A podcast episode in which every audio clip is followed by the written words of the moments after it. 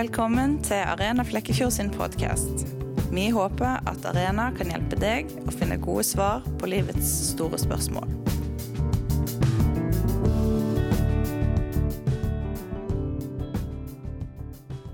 Jeg vil si noen få ord om meg sjøl først. Jeg heter Nimrod, jeg er 42 år og jeg er opprinnelig fra Ungarn. Jeg har bodd i Norge i ti år, har en kone, to barn, en hund og en katt. Och jag bor, eh, bor i Flekkefjord på UNS. Och jag är över genomsnittet intresserad i spörsmålet varför. Det var sån i hela livet. Och eh, det passar faktiskt ganska bra till temat ikväll. För det centrala spörsmålet ikväll eh, det är om det är typiskt mänskligt att vara god. Och jag vet att det kan bubbla upp forskjellige reaktioner i oss när vi hör spörsmålet. För exempel att Eh, jo, vi er gode. Det er det, ikke sant? Eller noen kan tenke at er jeg god? Jeg håper at han skal si det til slutt. Eller det, kanskje noen tenker slik at jeg håper at han skal ikke komme med noe kristen bla bla om at jeg er ikke god. Jeg må skyte inn en kommentar med en gang om noe presentasjonen min ikke handler om. Jeg vil ikke si at en sekulær person, ateist eller agnostiker, ikke kan være en god person. Jeg har ikke noe grunn til å si slike ting heller. Mitt mål er ikke å blåse opp en kristen ego, men å bidra til sunn refleksjon rundt temaet. Jeg tror det er viktig å nevne det i begynnelsen. Ok, Vi bruker altså begrepene godt og galt, riktig og uriktig hele dagen, helt automatisk uten å tenke på de. De fleste sier f.eks. at det er galt å stjele, eller det er galt å være utro. De allra flesta har en väldigt stark uppfattning om vad som är rätt och galt, och vem som lever upp till vår egen standard för uh, som är gott. Men vad är rätt och galt? Hur kan man veta det? Det är en av de stora spörsmålen i livet, ett existentiellt spörsmål som utfordrar alla oavsett vilket livssyn vi har.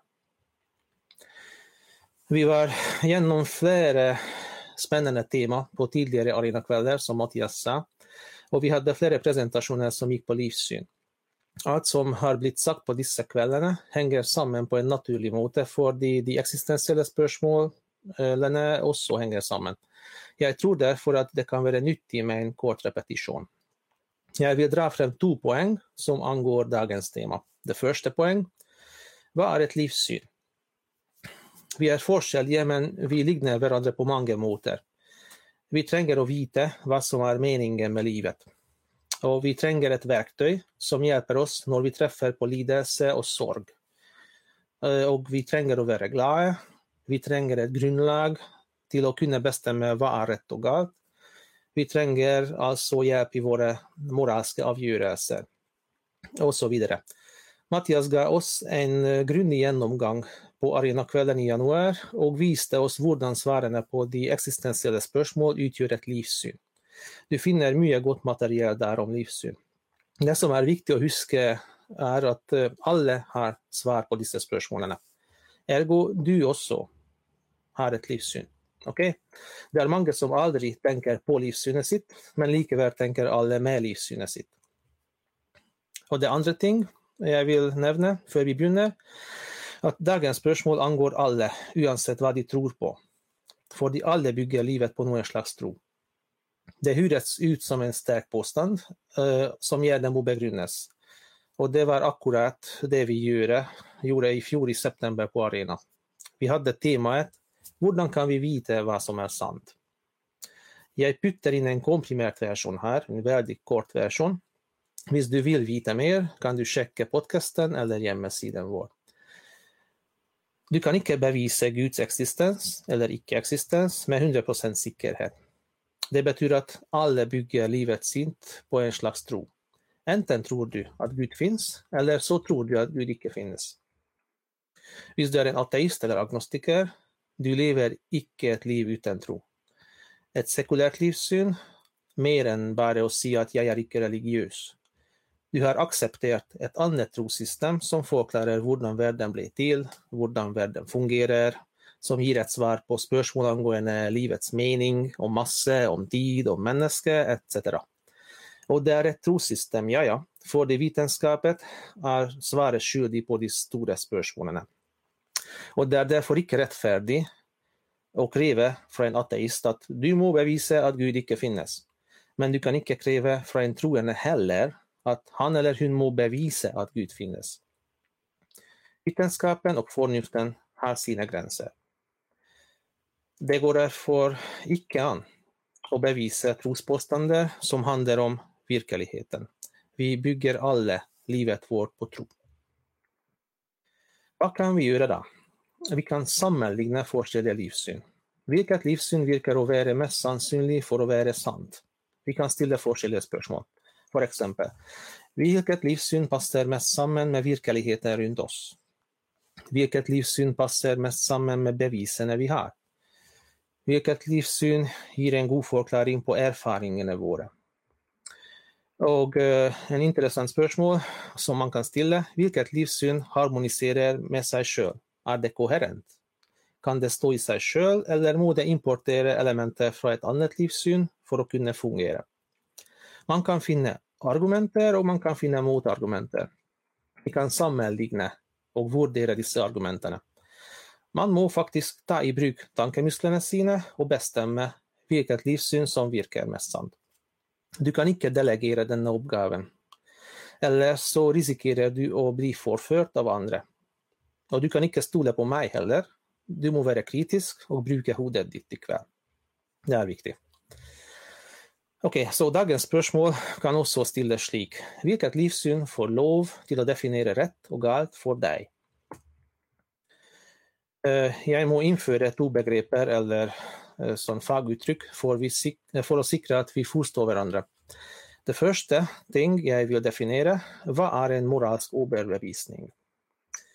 Jeg føler at det å gjøre A er galt eller ondt. Jeg burde aldri gjøre A, men jeg burde gjøre B, som er rett. Det er min moralske overbevisning. Og den andre ting, hva er en moralsk plikt? Det er én ting at jeg føler det er galt å gjøre A, men jeg går et skritt videre og påstår at du burde heller ikke gjøre A, og du burde gjøre B i stedet. Det spiller ingen rolle om du føler for B eller ikke. La meg gi dere et eksempel. Eh, för for eksempel, du snakker med noen som sier at uh, eh, 'jeg hater alle flyktninger'. De er farlige alle sammen. Vi må ikke hjelpe dem, ingen språkkurs, ingen bolig, ingenting. Du skal si til denne personen sannsynligvis at 'nei, jeg føler fremmedhat er eh, ikke ok'. Eh, det er ikke riktig, uansett hva han eller hun føler. Men du vill icke bara se för din egen del, du vill pålägga ett moralsk plikt på det andre. Det är vår moraliska plikt att hjälpa flyktingar, för exempel med gratis språk, språkkurs. Så det är ikke bara så att jag fyller för det, men du borde icke hata flyktingar heller. Men vilken grund har man till att se att A är objektivt sett galt? Det är ikke bara slik att jag fyller för min egen del, men jag påstår att du borde heller icke göra A hata flyktingar, för exempel. Detta är ett spännande tema. Jag vill visa er ikväll hur de flesta kulturer tar och har tagit moraliska beslutningar, dessa kallas traditionella samfund, och hur det sekulära samfundet tar moraliska avgörelser, hur dessa passar samman med vår uppfattning. Plus, eh, till slut, jag ska säga några få ord om hur kristendomen kan bidra till moraliska avgörelser. Okej, okay. nu ska jag alltså sammanligna hur traditionella samfund har begrundat sina moraliska levesätt, forskjellig från sekulära samfund. Vad var processen bak moraliska beslutningar förr i tiden? Vad är grunden till moral idag i stora delar av världen utanför Vesten? Praktiskt talat alla religioner och kulturer i alla tider har sagt att det finnes en transcendent övernaturlig orden utanför, ovanför denna världen, som förbjuder A. Judaismen, islam och kristendomen för exempel. De säger att du ska lika göra A för fordi Jave eller Allah eller Gud säger att det är ont. Det spelar ingen roll vad følelsene dina säger till dig.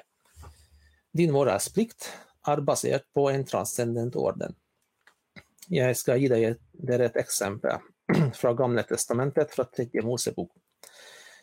Når dere høster inn kornet i landet, du skal ikke skjære kornet helt ut til åkerkanten, og de aksene som ligger igjen når du har høstet, skal du ikke sanke inn. Du skal la dem ligge til de fattige og innflytterne. Jeg er Herren deres Gud. Så her er det en plikt. Du må hjelpe de fattige og innflytterne, og her er det en begrunnelse. Jeg er Herren deres Gud, du skal gjøre det fordi jeg sa det slik. Punktum.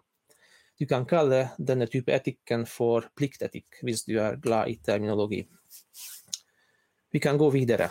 Hinduisme eller buddhisme de har hellige skrifter med autoritet som setter rammer og definerer hva som er rett, hva som er galt. Man må tilpasse seg til deres prinsipper. Eh, jag jeg vil gjerne at vi skal se på to eksempler var forskjellige kulturer tenkte om moral. To kulturer som ikke hadde en skapergud. Det første er Antik-Hellas. De trodde på at det finnes en perfekt verden av idealer, og senere utviklet de en konsept som heter logos. Logos er universets ordnede upersonlige prinsipp, bak eller ovenfor vår verden. Logos styrer hva som er moralsk.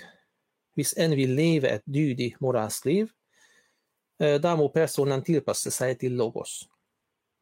Ett moralsk plikt begrunnes slik att å göra A går mot logosprincipen och gör det vanskligare att tillpassa sig till idealen. Och vi kan också se på Kina. Konfucius sa att eh, det är galt att göra A, men inte bara för fordi jag sier det, men fordi A går emot den himmelska orden. Den himmelska orden hos Konfucius är icke en plats med änglar och människor, men en övernaturlig realitet ovanför vår värld. Man må tillpassa sig till himmelen för att kunna leva ett dydigt moralsk liv. Det är vägen till visdomen på kinesisk tao eller dao. Slik följer vi universets principer. Du ser, vi har två kulturer, det var en stor avstånd mellan dem, men de hade likaväl två ganska lika koncepter om ett moraliskt liv. Icke gör A visst du vill leva ett moraliskt, dydigt liv. Vi ser alltså uh, vad dessa kulturerna sa. Det finnes en transcendent orden som bestämmer att A icke bara føles galt för mig, men att A är objektivt sett galt eller ont. Det finnes med andra ord noen objektive, absoluta moralske verdier utanför oss som vi må føle. Eh, Konfucius, Platon, jødene, kristne, muslimer, buddhister, hinduer. Alle har selvfølgelig veldig forskjellige meninger hva disse absolutte moralske verdiene er. De er ikke enige i hva som er rett og galt, men de alle kan rasjonelt begrunne hvorfor de krever moralske plikter. De har et koherent livssyn som holder sammen. Det er en koherent sammensatt greie.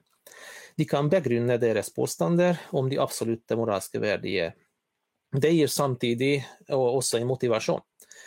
Hvis du ikke tilpasser deg til deres moralske absolutter, kan du ødelegge livet ditt. Og eh, avhängig avhengig av kulturen og religionen, kanskje du kan ødelegge ditt evige liv også.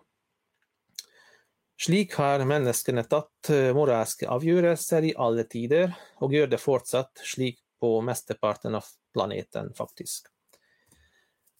Men eh, hvordan tar et sekulært samfunn moralske avgjørelser? Hva er fundamentet til en sekulær moral? Hva slags utfordringer har en sekulær person ved å formulere etiske prinsipper, eller kreve en moralsk plikt fra andre? Jeg påstår at eh, vi har store problemer med å definere moralske plikter i det sekulære samfunnet i Vesten.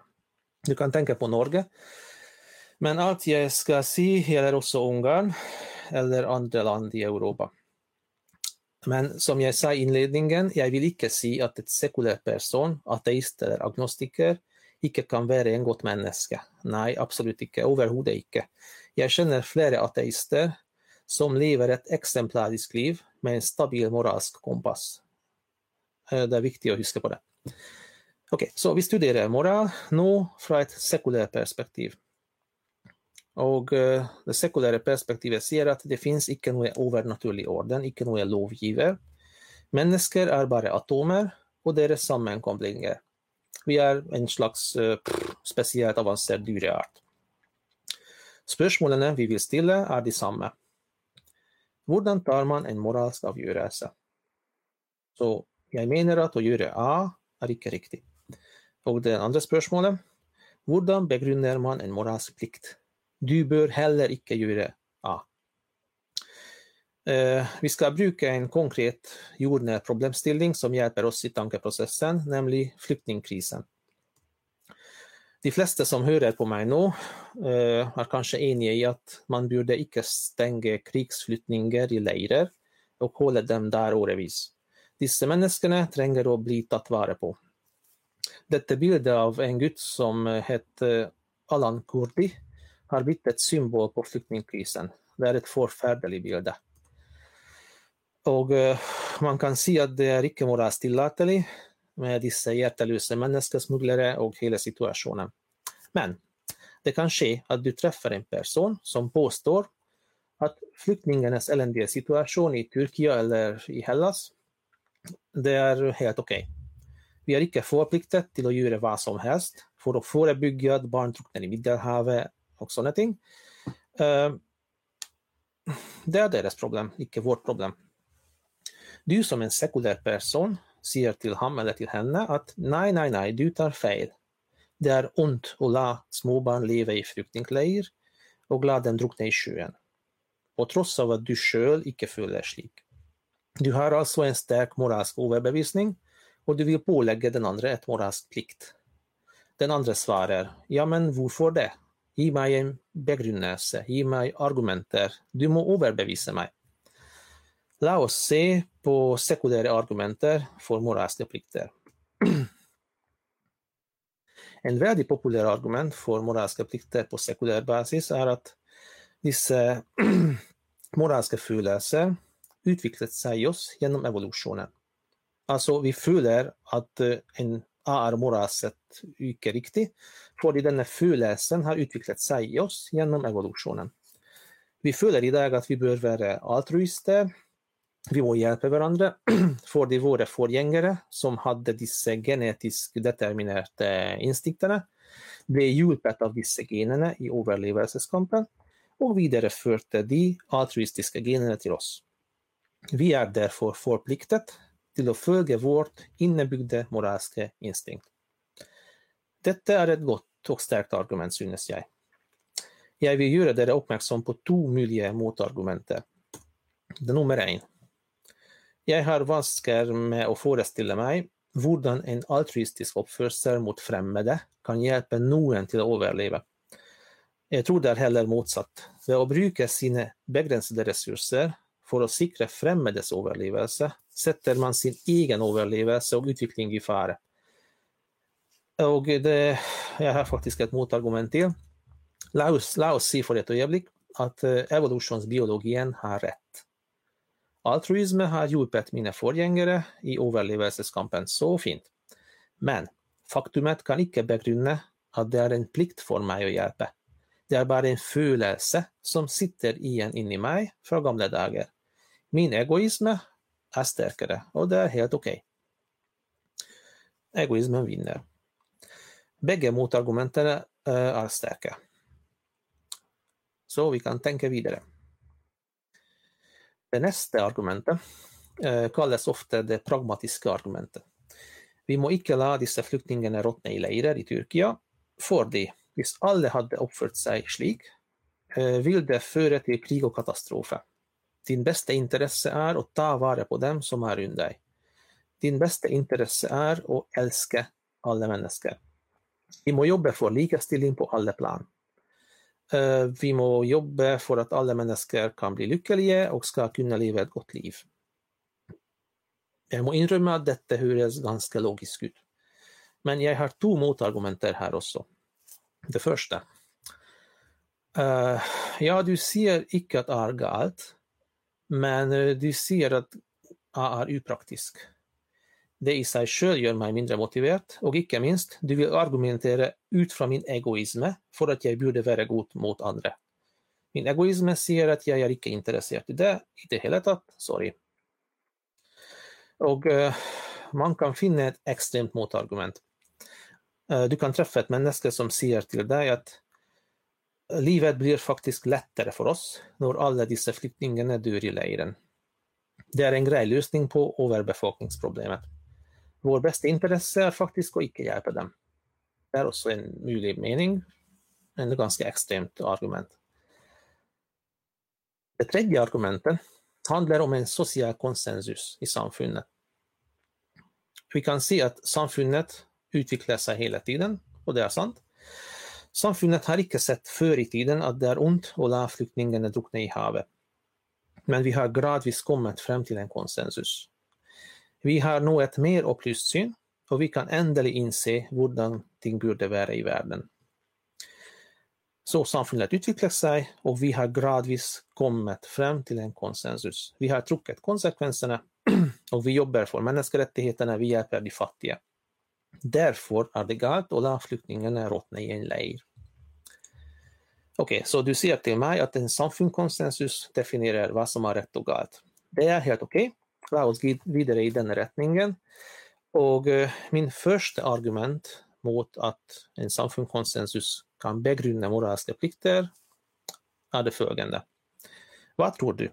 Var slaveri okej okay när världssamfund i världen accepterade det?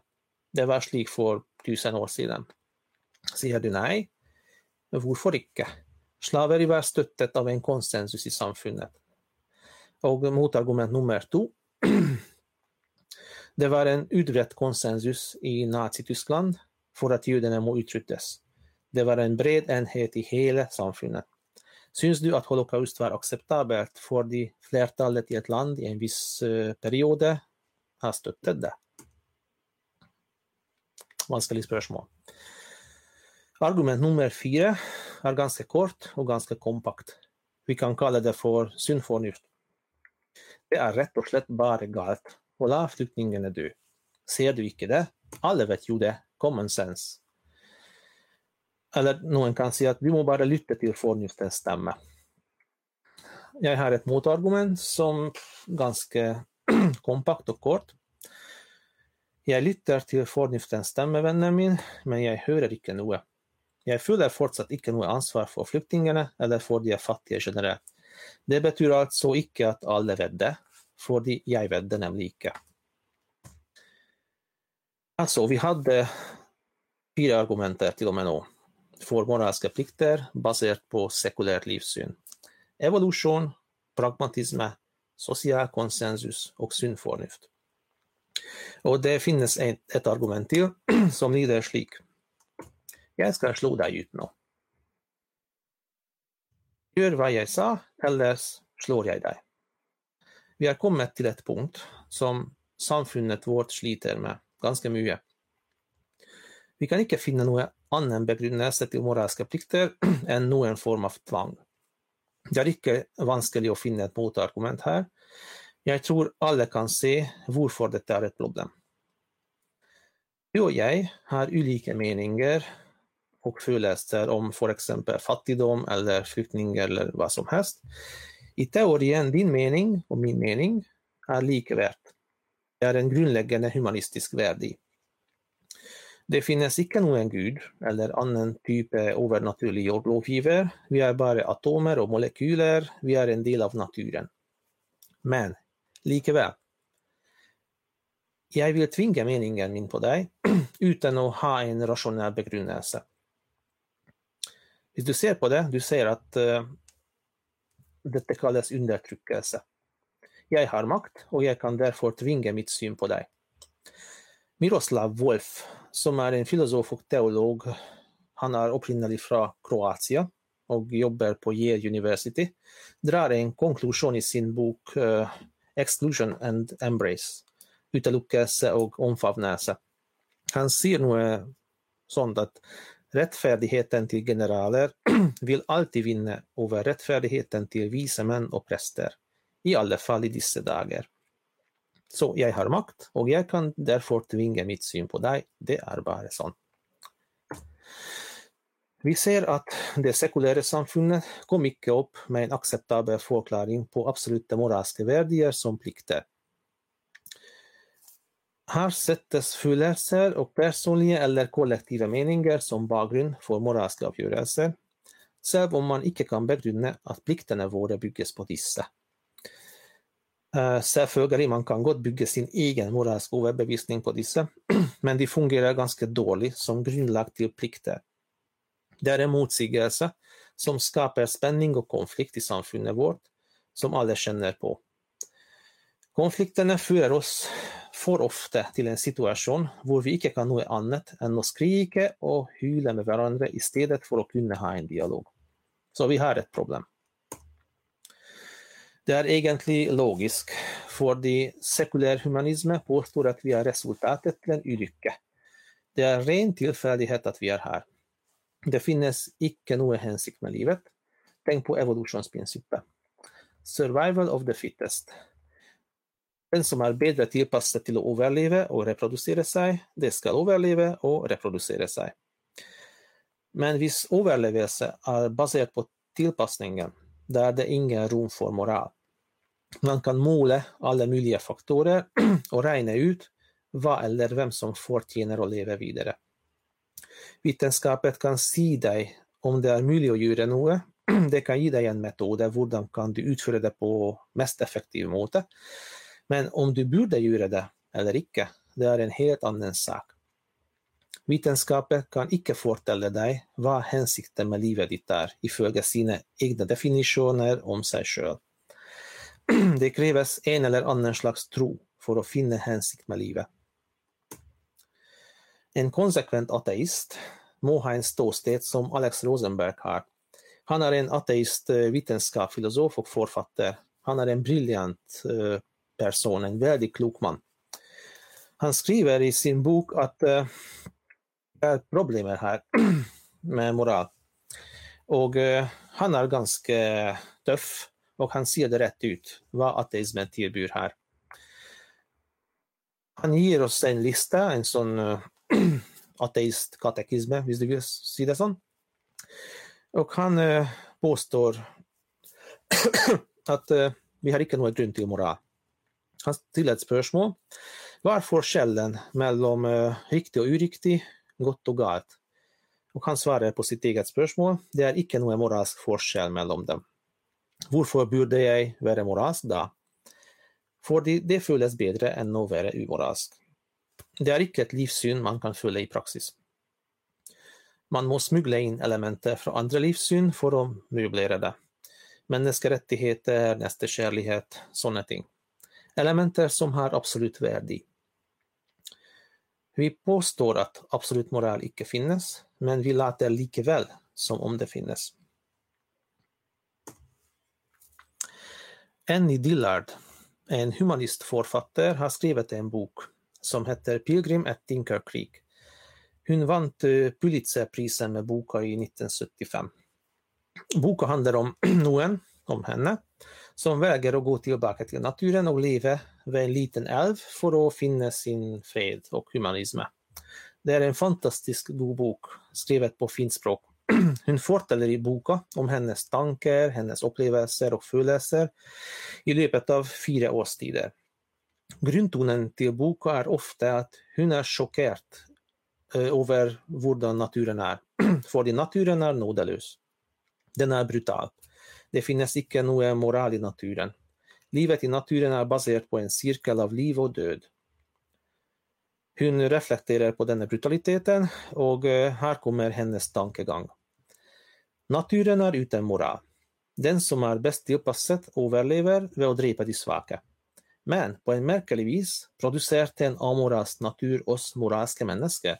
Det er en motsigelse, sier Annie Dillard. Det er to mulige forklaringer, sier hun.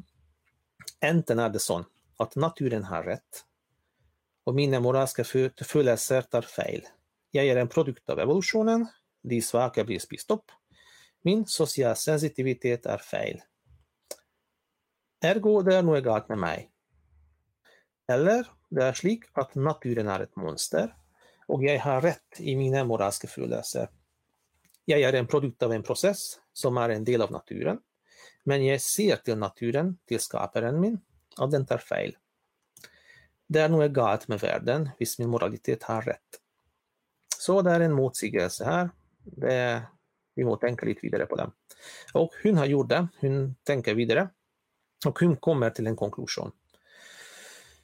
Man följer att det finns absoluta moraliska värden och att det ville gett mer mening hvis Gud finnes.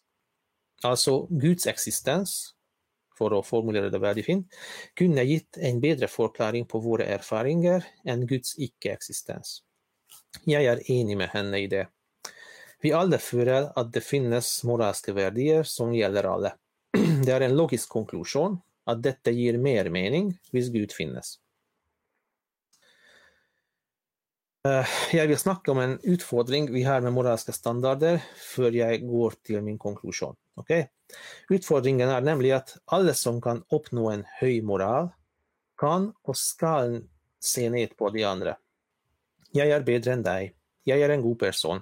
Är det typiskt mänskligt att vara god? Nej, det är inte typiskt mänskligt, men jag är definitivt bättre än dig. Min prestation förde mig till en högre moralisk nivå jag har därför all rätt till att se ner på dig. Uh, jag är bland vänner ikväll och jag kan därför inrymma att denna problemställningen kommer för ofta till syne i religiös kontext. Religionskritiker har tidigare med rätta påpekat att uh, hög moral förer ofta till hyckleri.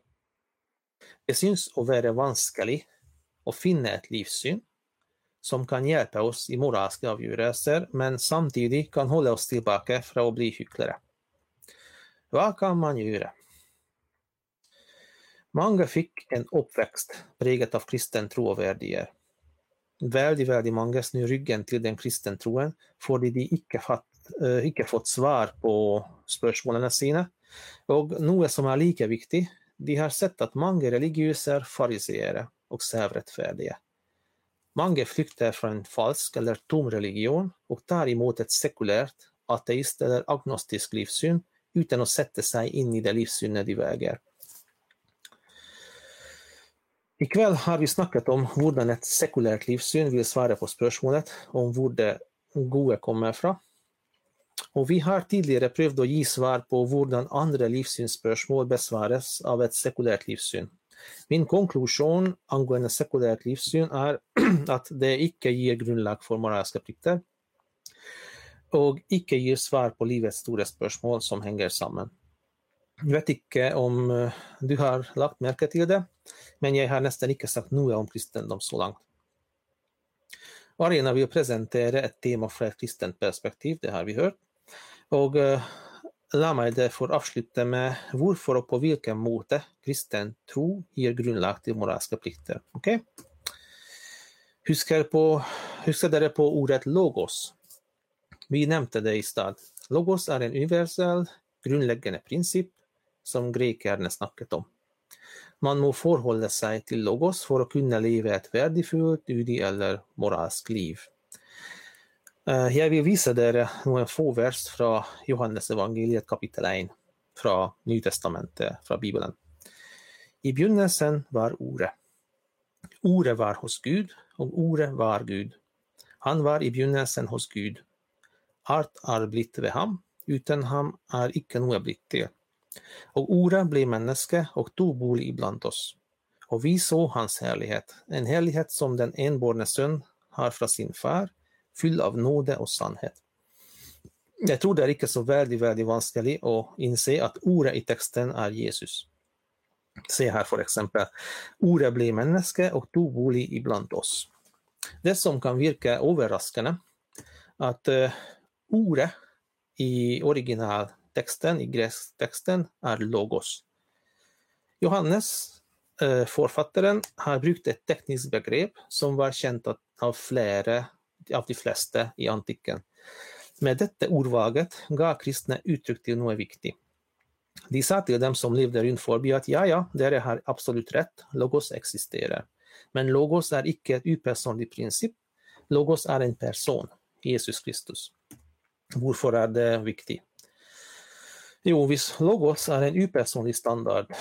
har alla som kan uppnå denna standarden, all rätt till att se ned på dem som icke klarar att leva upp till standarden. Jag är bättre än dig, du umoraliska svin.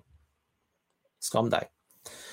Kristendomen fortäller att ja, ja, det finnes en absolut övernaturlig moralisk princip, men principet är en person.